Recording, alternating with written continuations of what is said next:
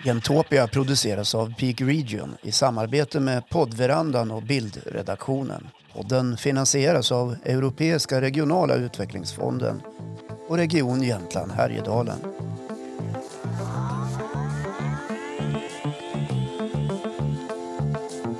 Hej! Välkomna till det här avsnittet som handlar om Innovation Champion. Vad är det, vem är det och vilka egenskaper kännetecknar egentligen en Innovation Champion? Här i studion är jag med mig Pelle Simonsson från Peak Region AB och den fantastiska entreprenören Fia Gulliksson. Håkan Lundqvist är också här och ser till att vi sköter oss. Hej Håkan! Hej hej! Hörni, Fia och eh, Pelle, vad är ni på för plats idag? Fia, hur har din dag varit hittills? Den har varit fantastiskt stormig på många olika sätt kan jag säga. På vilka sätt? Ja, för det första så har eh, Storsjön försökt att bli ett hav. Och för det andra så är det lockdown i London så att jag är faktiskt hemma nu och är ledig en månad. Jag skulle alltså egentligen eh, åka tillbaks bara, bara för någon dag sedan men nu blev jag kvar. Mm. Hur hanterar du det liksom, när det blir såna snabba förändringar? Jag bryter ihop kanske i 20 sekunder sen så blir allt bra igen. Det är väl det som är signifikant för mig att jag, kan, jag har haft en jädra massa motgångar och tuffa tag men det är det som eh, skapar en på något sätt. Mm. Vi ska återkomma till det där med egenskaper eh, när det gäller inte minst entreprenörskap. S eh, Pelle, jag tänkte vi måste också fördjupa oss lite först då i begreppet Innovation Champion. Vad, vad innebär det? Du arbetar ju med startups på Peak Region AB som delar ut det här priset Innovation Champions på året, årets guldgala i Östersund. Berätta lite om bakgrunden till priset. Ja, just det. Det var 1900, nej det var 2015 så hade vi en eh, projektverksamhet i länet som hette Innovation Champion. Så vi tog hit en väldigt eh, dynamisk konsult som du också träffar Fia många mm. gånger, Marianne Toftegård. Och eh, hon inspirerade till innovation. Hon byggde sin verksamhet mycket på det hette Five Disciplines of Innovation och en av de här disciplinerna det var att jobba med Innovation Champions. Ett beteende hos personer som lyckas driva saker i tuffa situationer när man ska skapa någonting nytt. Så här riktiga byggare, sådana som... Ja, det är ju hämtat lite från idrottsvärlden det där med Champions. Så det finns likheter där. Mm. Vad, vad, är, liksom, om du skulle sätta, vi ska efterlysa nu en Innovation Champion. Vi har ju en här i studion för Fia har ju vunnit det här priset tidigare. Men om du ska, du ska efterlysa en Innovation Champion, vad, vad har du för signalement som du liksom ropar efter då på gatorna? Det centrala är att den här nu kör vi-attityden. Att de hör någonting, ser någonting eller inspireras av någonting. Så här, kör, kör, kör. Det är det centrala en del människor har en förmåga att köra då. Men det här är också de som kör i mål. Alltså det, sakerna blir inte bara gjorda utan de går i mål. Alltså höga visioner. Spelar ingen roll vilka hinder som dyker upp längs vägen så kör man ändå mot målet. Man, Simon Sinek har en bra definition att entreprenörer är de som hittar vägen till sina högt uppsatta mål medan vi andra är de som ser hindren och låter dem stoppa oss på vägen dit. Mm. Du är ute efter själva förflyttningen, att man, att man rör sig framåt? Ja, den där energin som har den där ostoppbara energin och som många vill haka på. Eh, en Innovation Champion får också andra att vilja göra de här sakerna. Och Marianne Toftegård som också då donerade pengar till det första priset hon är en typisk sån. Alltså hon får människor att vilja röra sig i hennes riktning. Vi ska strax återvända till årets Innovation Champion men Fia måste ju höra då, du vann mm. ju det här priset förra året. Hur kändes det? Ja, men såklart fantastiskt roligt att eh, få det erkännandet måste jag säga. Och det får en också liksom att stanna upp lite grann och inse... Eh, för är man en innovation champion då, som jag tydligen är definierad som, själv definierar mig som en passionerad eh, potatisproducent faktiskt. eh, mångfacetterad och jordnära och eh, som iscensätter eh, goda upplevelser. Mm. Men hur som, eh, jag blev jätteglad såklart. För det är ju tufft liksom också att växa upp i inlandet i Jämtland och ha så stora drömmar och visioner som jag har och har haft för den här platsen. På vilket sätt är det tufft?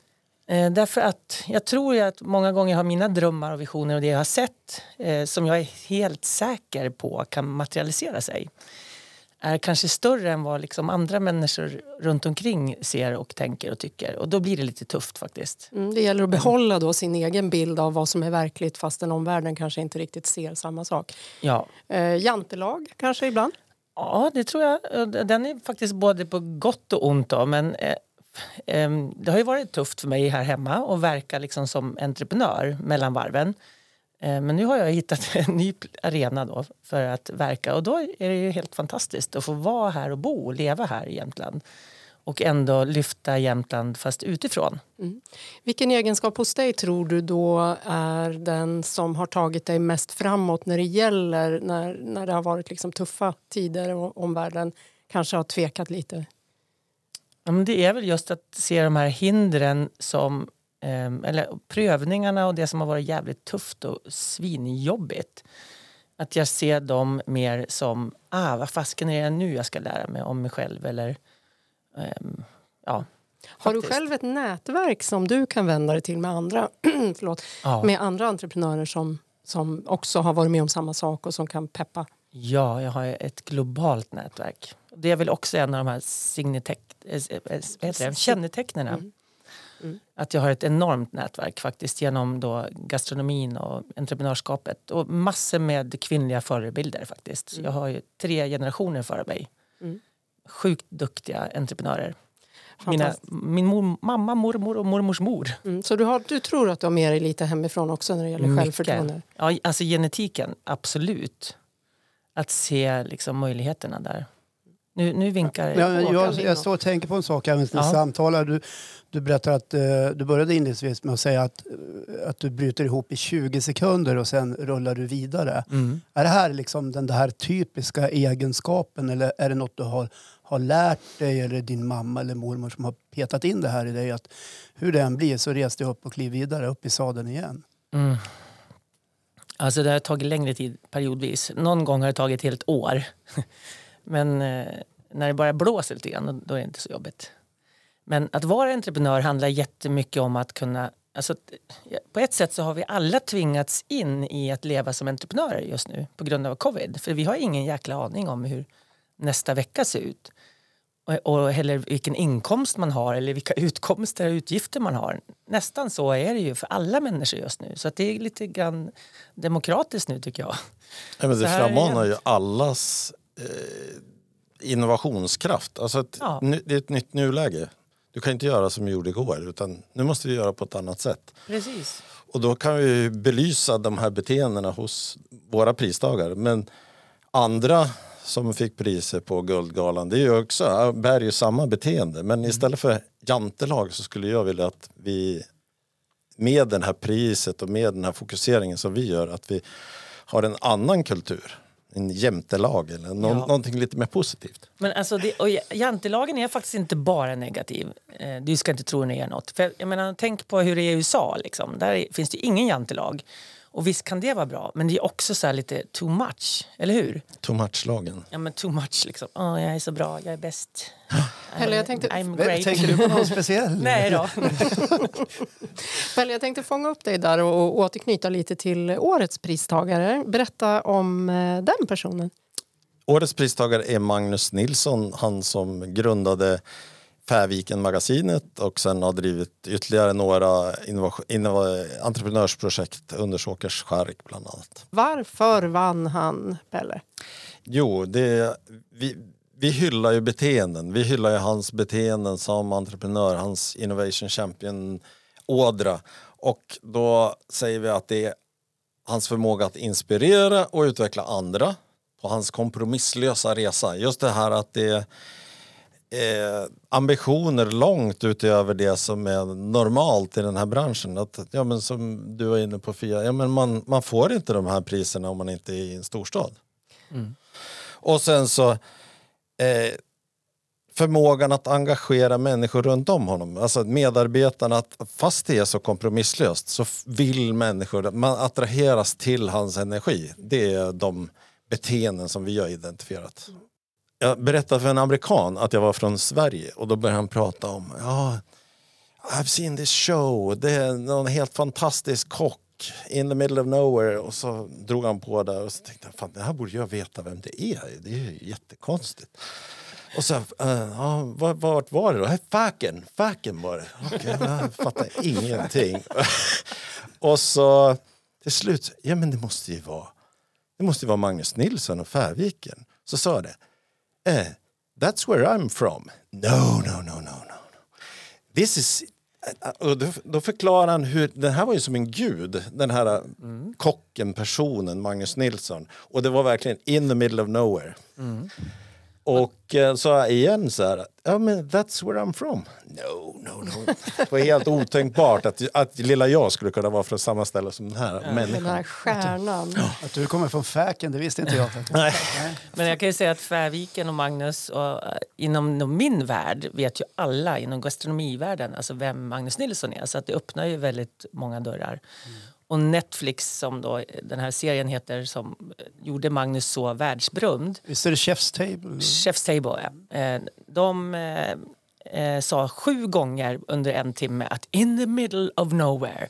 Så jag har ju sett det som min uppgift att berätta att Jämtland is in the, you know, in the middle of a fucking amazing gastronomic region. Not in the middle of nowhere. Så ja, lite så. Men det han är ju så himla trevlig och vanlig om man säger Magnus. Så att det blev ju inget drama om de skulle säga berätta allting. De var ju tvungna att ha ett eh, nar heter det, narrative, mm. eh, sammanhang, sammanhang mm. som gjorde det lite mer spännande såklart. Ja, det är lite mediedramaturgi ja. också som det handlar om. Och nu har han kommit ut med en bok. Hans globala premiär faktiskt skulle jag vara med på i London. Ja. Den skulle vi ha haft hostat på Pantechnicon, på det stället som jag driver. Men den är lockdownad då? Den är lockdownad så att det blir ingenting. Tyvärr, blir digital, men, men den, är fortf den är fortfarande lanserad och den har sålts i tusentals exemplar. Alltså vi anar inte i Jämtland hur stor Magnus Nilsson är globalt. Vad behövs i Jämtland för att eh, Jämtland ska få fler Innovation Champions? Vi tror dels är det att attrahera den typen av personer hit. Och det gör man ju genom att synliggöra sådana som Fia och Magnus och alla de andra som vi har eh, gett det här priset till. Men också som Guldgalan har hjälpt till att, att hylla över åren. Men sen är det också att över tid skapa en positiv kultur för den typen av personer. Man måste kunna känna att ja, men här är det inte bara accepterat, här är det någonting som man vill eh, ska hända. Man vill att sådana som just jag med mitt passionerade engagemang och entreprenörskap ska, ska passa in. Och det eller, finns... få plats. Man behöver inte passa in faktiskt. Man Nej. behöver bara få plats. Ja, vara den man är. Ja. Och jag tycker att det finns embryon till den här utvecklingen i Åre. Absolut. Och det, jag tycker också att det har börjat arta sig ordentligt här i Östersund. Ja. Med Godmorgon-gänget och Norra station och Hamngatan och Jazzköket. Det händer mycket. Det händer mycket. Det finns platser liksom där folk kan verka. Men våra gamla strukturer, de behöver vi faktiskt luckra upp och förändra nu. Vad är det för strukturer? Vad har du mött för någonting? Ja, men både inom eh, regionalpolitiskt och kommunalpolitiskt men även i våra bolag, i våra, alltså, bolagen i Jämtland. Titta över era styrelser. Jag tror att vi är ett av de länen i Sverige som har minst eh, jämställdhet. Och varför jag kämpar så himla hårt med jämställdhet i mina organisationer eller mina projekt eller mina bolag. Det handlar inte om för att jag tycker att det är orättvist. Utan det handlar om att jag vill vinna, jag vill komma fram. Jag vill nå målet. För det är faktiskt så, om vi inte jobbar med jämställdhet eller jämlikhet då är det som att liksom ha ett, ett tanigt ben med 30% av musklerna på höger och sen har du vänstra benet med 70% av alla musklerna. Och du tar hand om det här vänstra benet jättebra. Men du kommer ju fan inte vinna det där maratonet. Så precis den tanken är det. Mm. Du har ju varit entreprenör väldigt länge. Så jag minns dig, jag är några år yngre än du och jag minns dig på Brunkullan och mm. hela T-framställningen och så vidare. Väldigt eh, eh, imponerad av hela resan. Eh, men om du då, säg på 80-talet hade mött andra strukturer, vad hade det betytt för dig? Jag vet faktiskt inte. Uh, vad hade du önskat då? När du, ja, men jag du tror att, stått? Alltså, om man tänk, jag, jag har alltid sett Östersund och Åre lite grann som Vancouver och eh, vad heter det? Whistler. Whistler. Jag tror ju på ett sätt att om, vi hade, om jag hade fått liksom, när jag började tänka på det här med att maten som drivkraft så hade vi varit ett, eh, liksom, vi hade inte varit avhängigt av Magnus Nilsson en enda restaurang med 16 sittplatser för att världsreportrar och eh, gastronomer och medvetna människor skulle vilja resa hit. Det hade de gjort liksom, bara för att den här platsen är så underbar. Vi har liksom 75 procent av den odlingsbara marken odlas enligt ekologiska principer. Vi har fantastiskt många mathantverkare, vi har naturen. Ja, det är helt galet här. Allt vårt vanliga är ju liksom extremt ovanligt. Jag brukar säga när jag är i London, jag gör bara my ordinary från Jämtland och då blir det extraordinary när jag är där. Och det, det kan man ta vara på mer, tänker du? Ja men gud ja. Ja, ja. Va, vad ser du framför dig? Vad skulle kunna hända? Bästa scenariot? Ja, men alltså, vi skulle kunna ha Europas bästa matmarknad. Jag tittar bara på Ljubljana som är då i Slovenien som har ju enormt med måltidsturism just nu. Och vad har de gjort? Jo, då har kommunen gått in och så har de betalat, köpt supercoola fina stånd eh, till deras torg. Där det kostade ingenting för entreprenörerna att komma dit och vara med. Och allt support finns liksom från ja, vatten och el och hej och hå. Men de ställer krav på de som är där som utställare eller försäljare. Och det här har ju skapat enormt sug. Och man kan ju bara kika nu på eh, Rekoringen som är en självorganiserande marknad kan man säga. Men den attraherar ju inte turismerna. Den får ju bara igång den lokala marknaden. Men alltså vi skulle kunna göra en sån matmarknad som bara wow. Och det såg man ju under när TV4 var här och gjorde Matlandet Sverige så hade de en marknad på åtta platser i Sverige. Och vi var ju liksom hästlängder mycket bättre än alla andra. Och det här skulle kunna motivera ännu fler mathantverkare och ännu mer människor att vilja komma hit. För det är liksom en livsstil lite grann att få bo här i Jämtland. Men vad, vad tycker du Fia? Har vi gjort, eh, om vi tittar på Magnus renommé och att han är global stjärna. Har vi här förvaltat det tillräckligt väl? Nej, det tycker jag inte alls. Faktiskt. Och det handlar inte om att man behöver använda honom utan det är bara Ja, jag vet inte hur vi skulle kunna gjort det men annorlunda skulle vi kunna gjort det och samlat våra resurser kanske lite tydligare. Vi har ju också blivit utsedda av Unesco som Creative City eh, of Gastronomy för tio år sedan tror jag det är snart. Jag tycker inte att det har hänt och mobiliserat så mycket kring det. Vem ska sköta det här mobiliserandet och ge bra strukturer, Pelle? Och vad är ert ansvar från, eh, från eh, Peak Region? Vi har ett ansvar att driva på innovationskraften i Jämtland och det är mycket det som personer som entreprenörer som Fia och Magnus och de andra pristagarna, det är ju det är beteenden som gör det. Det är inte fenomen som själva driver sig själv framåt utan det är personer som har tydliga målsättningar med vad de gör dedikerad till den arbetsuppgiften och tar fullt ansvar. Det är också en sån typiskt beteende hos en innovation champion. Så att vi, vi kan hjälpa till att odla beteenden och säkerställa att det blir bra, starka konstellationer. Det finns ju en, en eh, universitetsutbildning som kom häromveckan just, mm. just nu inom gastronomi. Där har inte Äntligen. vi alls varit med. Och jag känner så här, det är tio år för sent. Ja, men det, är inte alls det viktiga är att det händer. Det viktiga att det händer, absolut. Ja, och, och det, nu händer det. Men ja. vi, vi har ju olika spår där vi jobbar inom. Men det viktigaste för oss är att driva entreprenörskapet. Jag, jag måste mm. fråga en sak. Jag står här och lyssnar. Fia, du pratar utifrån ditt perspektiv om ja. strukturer i samhället och hur det allmänna och offentliga kan vara med på tåget. Ja, men sen undrar jag lite grann så här. Eh, ni söker efter innovation champion Pelle och, och det här beteendet. Går det här att skola sig i, tänkte jag, i samma ögonblick som du nämnde att det var en universitetsutbildning för gastronomi. Men om man tittar på beteendet i stort, går det att skola sig i det? Kan man säga att du har skolat dig själv i det? Eller, eller mm. hur, hur, kan man, förstår ni vad jag menar? Absolut, mm. jag är helt säker på att man kan göra det faktiskt. Och jag menar, jag tycker skolan lite grann, nu har de entreprenörskap på schemat i, på ekonomilinjen i andra eller första andra året. Mm. Ung men, företagsamhet. Ja, men alltså, vi måste in med mycket mer kreativitet i skolan direkt. För jag menar, det är inte så att vi kommer lösa problemen om vi läser matte och fysik och teknik och allt det där. Eh, enligt, alltså, då löser vi inte framtidens problem. Men får vi ungar som är duktiga på lateralt tänkande och vad är lateralt tänkande? Jag menar, alltså att kunna tänka eh, holistiskt och tvärs, kors och tvärs eh, över inte gränserna. Inte enligt ett ämne bara utan fortsätta. Ja, ja. Utan inte bara i stuprör utan Eh, kunna koppla samman tankar och idéer. Alltså gaming är bevisat att det kanske utvecklar faktiskt. Därför att människan, det fundamentalistiska med alla människor det är att vi har fyra drivkrafter. Vi vill bli bättre människa varje morgon vi kliver upp. Vi vill se ut bättre, vi vill prata bättre, vi vill må bättre, vi vill göra bättre. Så det är liksom fyra ganska enkla eh, beteenden. Eh, det heter alltså do better, look better, feel better och be better. Kan vi odla de beteendena med hjälp av kreativitet då kommer vi sjukt långt. Det finns en eh, forskare som heter Carol Dweck. Hon jobbar med eh, ungdomar och motivation. Och då gjorde de så att de tittade på hur olika elever reagerar på en väldigt svår arbetsuppgift. En, ett svårt mattetal eller om det var en svår eh, skrivövning.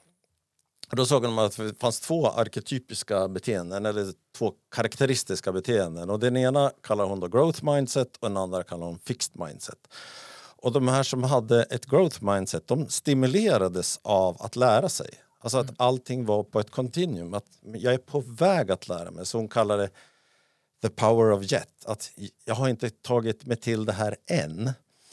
Och Eh, och de som är då fixed mindset, de, de bröt ihop över att de inte kunde och de identifierar sig med att inte kunna den här och undviker över tid att, att göra svårare saker. Men då såg de att metoden att bli bättre på att fler fram, bejakar de här growth mindset beteendena, det är att bli medveten om det. Mm. Så bara av att barn i tidigare ålder blir medvetna att antingen kan man reagera så här eller så kan man reagera så här och det blir så här. Mm. Pratar vi för lite om eh, dels vad vi har då för eh, typ av personlighet men sen också om hur man eh, växer och hur man blir en entreprenör? Pratar vi för lite med våra barn om det tror ni? Jag tror att vi bäddar in dem lite för mycket. Liksom. Vi curlar dem lite för mycket. För det, alltså, motgångar är faktiskt inte bara av ondo utan det är så här... Och, ja, jobbigt att det här hände just dig idag men fan vad har du lärt dig av det här då? Liksom? Och hur tar vi oss vidare? Det mindsetet skulle vi behöva ha mycket mer tror jag, i vårt samhälle överlag. Och vi tvingas ju in i det nu. Håller helt med. Ja. Min äldsta grabb, ursäkta om jag bryter in här lite försiktigt, men eh, min äldsta grabb var med i det här företagsamhet och jag hajar till det du säger nu Fia, för att de bakade tunnbröd som affärsidé och, och skulle sälja. Och vi har aldrig haft så mycket tunnbröd hemma. Eh, ni förstår att eh, vi köpte ganska mycket tunnbröd. Där fanns inte den här entreprenörsandan och tanken. I dig eller? Ja. Nej, varken i mig eller i honom. Men jag frågade faktiskt någon gång eh, hur gör ni för att få sälja? Liksom? Vart vänder ni? Får ni något stöd? Fattar ni? Ja, men du och mamma köper och sen några till. Och då, det slår mig nu när du säger det här att uh, han fick inte det här stödet hemifrån hos oss. Men Nej. vi har inte den bakgrunden heller. Nej. Vår familj. Vi har varit löneslavar jämt. Mm. Vi har inte varit entreprenörer.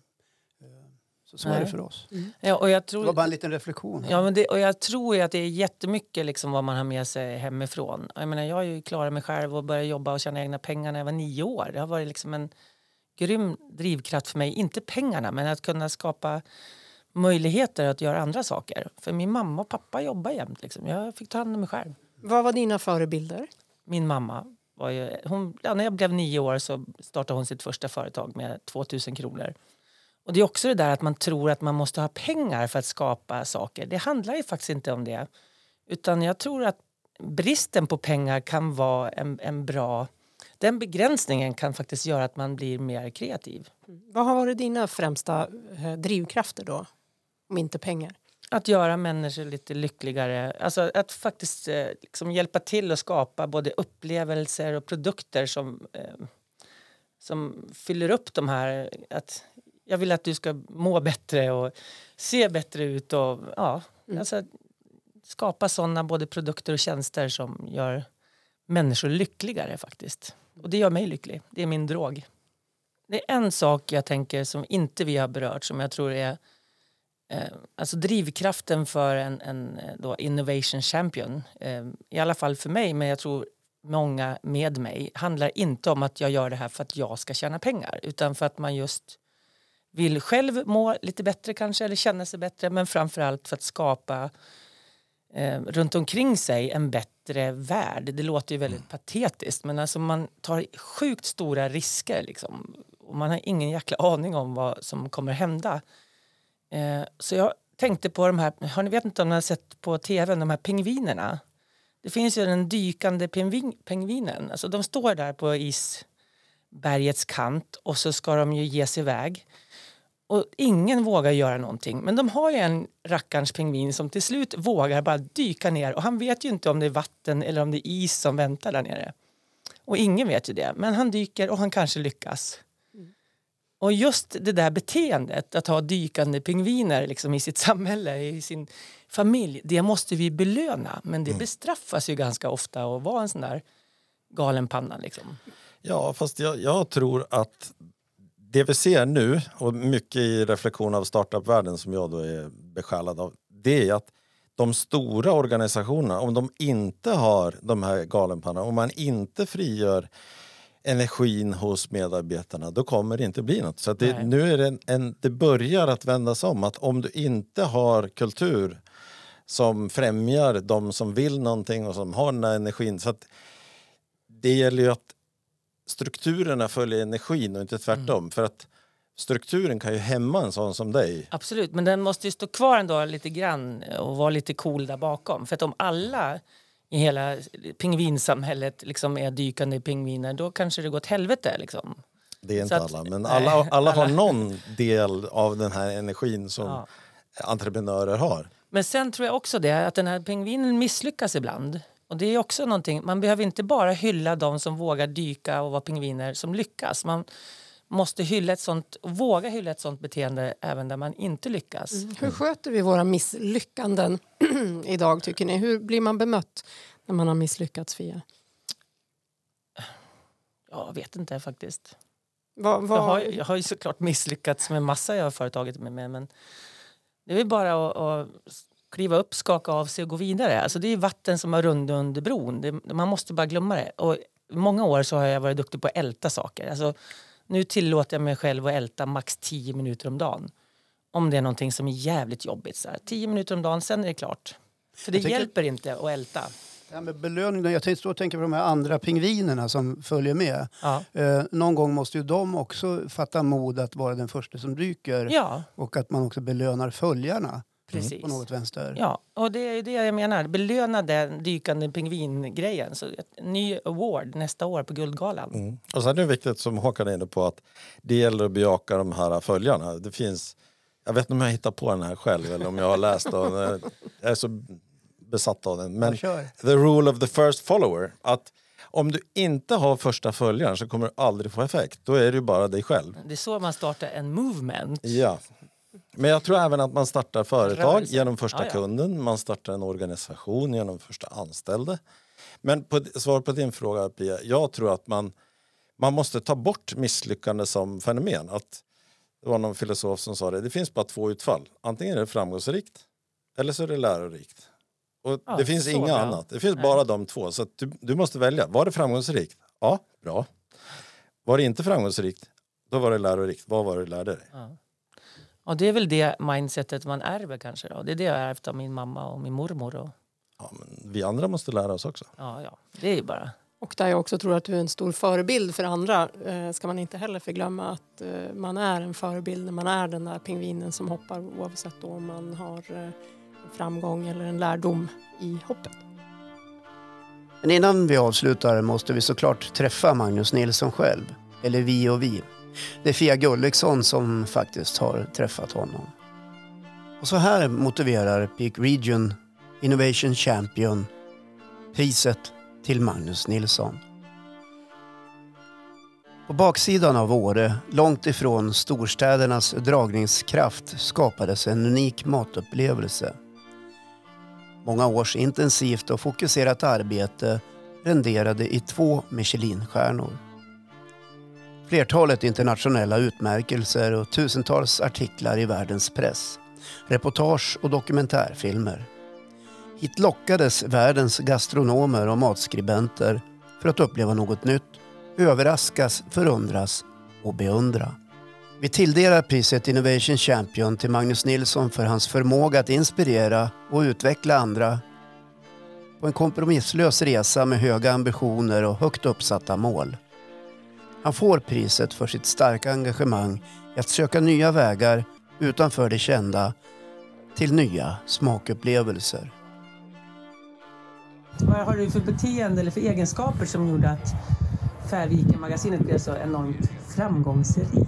Ja, det vet jag inte riktigt, men jag, alltså jag tror att det, är- det är liksom en kombination av eh, dels då att det var rätt läge att driva en sån typ av verksamhet och få uppmärksamhet för den faktiskt, även internationellt.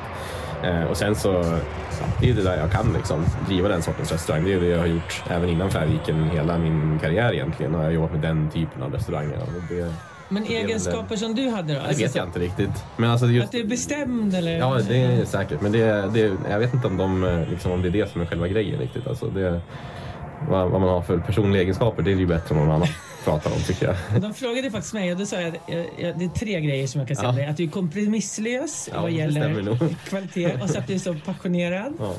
eh, och att du är jäkligt modig. ja, men det var väl bra. Det var mycket bättre att du sa det där än att jag sa det. Ja, ja. Eh, och sen tre, kan du sammanfatta lite grann Färvikens historia liksom, med korta? Ja, jag, menar, jag, tänker mig liksom från ett, ett rent eh, perspektiv att hur, man, hur det har liksom blivit som det har blivit så att säga så är det ju massa olika saker som har händelser som har fallit plats på samma gång. Men dels då att familjen Brummer som äger Färviken och som liksom ägde restaurangen hela vägen in i mål eh, för det första kände för att ha den typen av verksamhet på sin liksom, gård eh, och var exalterade över inte bara liksom, att supporta oss med platsen och sådär men även engagera sig i verksamheten. Det är en otroligt viktig del. Ehm, och sen att jag då befann mig eh, liksom på en plats i min karriär där det passade att hoppa på ett sånt här projekt. Och sen det tredje som jag tror är otroligt viktigt, det är ju också att det var rätt läge då i största allmänhet. Det fanns liksom ett intresse för den här typen av liksom, produkt eller typen av restaurang. Upplevelse? Ja. Och, och nu då, framtiden? Vad har du för planer? Nej men alltså jag, har ju, jag jobbar ju i Köpenhamn nu eh, varannan vecka ungefär. Eh, det varit ett extremt dåligt år att jobbpendla till ett annat land kan man ju säga. Eh, men det är ju som det är med det och det är väldigt, väldigt spännande. Vi driver ju en skola där eh, för folk i restaurangbranschen som egentligen vill liksom, skapa förändring. Det är det det handlar om, att skapa liksom, Hållbara matsystem inte eller? bara det. Det är all möjlig förändring i, liksom, genom matsystemet och genom, eh, genom mat egentligen bara. Så. Eh, och sen det andra är ju vår äppelodling i Skåne då, som jag också jobbar med. Eh, och som är väldigt, väldigt kul. Där du har 26 sorters, 28. 28 sorters äpplen Ja. och 15 sorters... 12 päron. Ja, inte jag vet siffra det. rätt. Nej, jag har dåligt sifferminne. Ja. Ja, men du, det är fantastiskt roligt. Jag är så stolt och glad över att du finns här i. Jämtland, eller har funnits här. Ehm, Känner du dig inte lycklig? Väldigt glad. Det är ju ett jättefint pris verkligen. Hörrni, superkul att få ha er här. Väldigt inspirerande. Grattis dig igen, även om det var förra året du vann. Tack Väldigt så mycket. fint och grattis till årets då, vinnare av Innovation Champion. Innan vi slutar så tänkte jag att vi skulle skicka med våra lyssnare någon tanke eller någonting som vi funderar på för resten av dagen. Fia, har du mer än något? Ja, jag brukar ju faktiskt kliva upp varje morgon och då har jag två citat som jag ehm, ja, eh, Eh, har som ett mantra kan man säga. Och det ena är Be the change you want to see in the world. Alltså Mahatma Gandhis. Att du, du kan inte förvänta dig att någon annan skapar det du ser. Eh, och sen brukar jag också tänka och visionera liksom dit jag vill. Eller dit jag, att allting som jag kan faktiskt fantisera eller drömma om, det är verklighet. Men det har ännu inte materialiserat sig. Och för att det ska göra det så måste man, eh, to get there, alltså att komma dit. To get there spells together. Så då handlar det om att jag behöver entusiasmera min omvärld, min familj, mina barn, mina, mitt bolag ja, för att ta mig dit. Det är mina tips. Fint. Pelle, har du något? Jag har ju något superbra som jag inte kommer på nu så att, eh, då tar jag nä- näst bästa eh, som jag också tycker är jättebra, lite inspirerat av det du säger Fia. Det är eh, Focus on the now now and the later later. Så fokusera på nu nu och senare senare så att man verkligen tar tag i det man ska göra nu istället för att fokusera på en, en sörja av det man borde göra nu och det man kanske skulle vilja göra lite längre fram. Bra. Håkan? Och Jag är ju en ganska nybliven entreprenör sen i februari i år så jag tar med mig rätt mycket av vad ni båda har sagt. Känns jättebra i magen. Tack. Tack så mycket för att jag fick vara med. Tack! Jämtopia, en podd från Peak Region i Jämtland Härjedalen.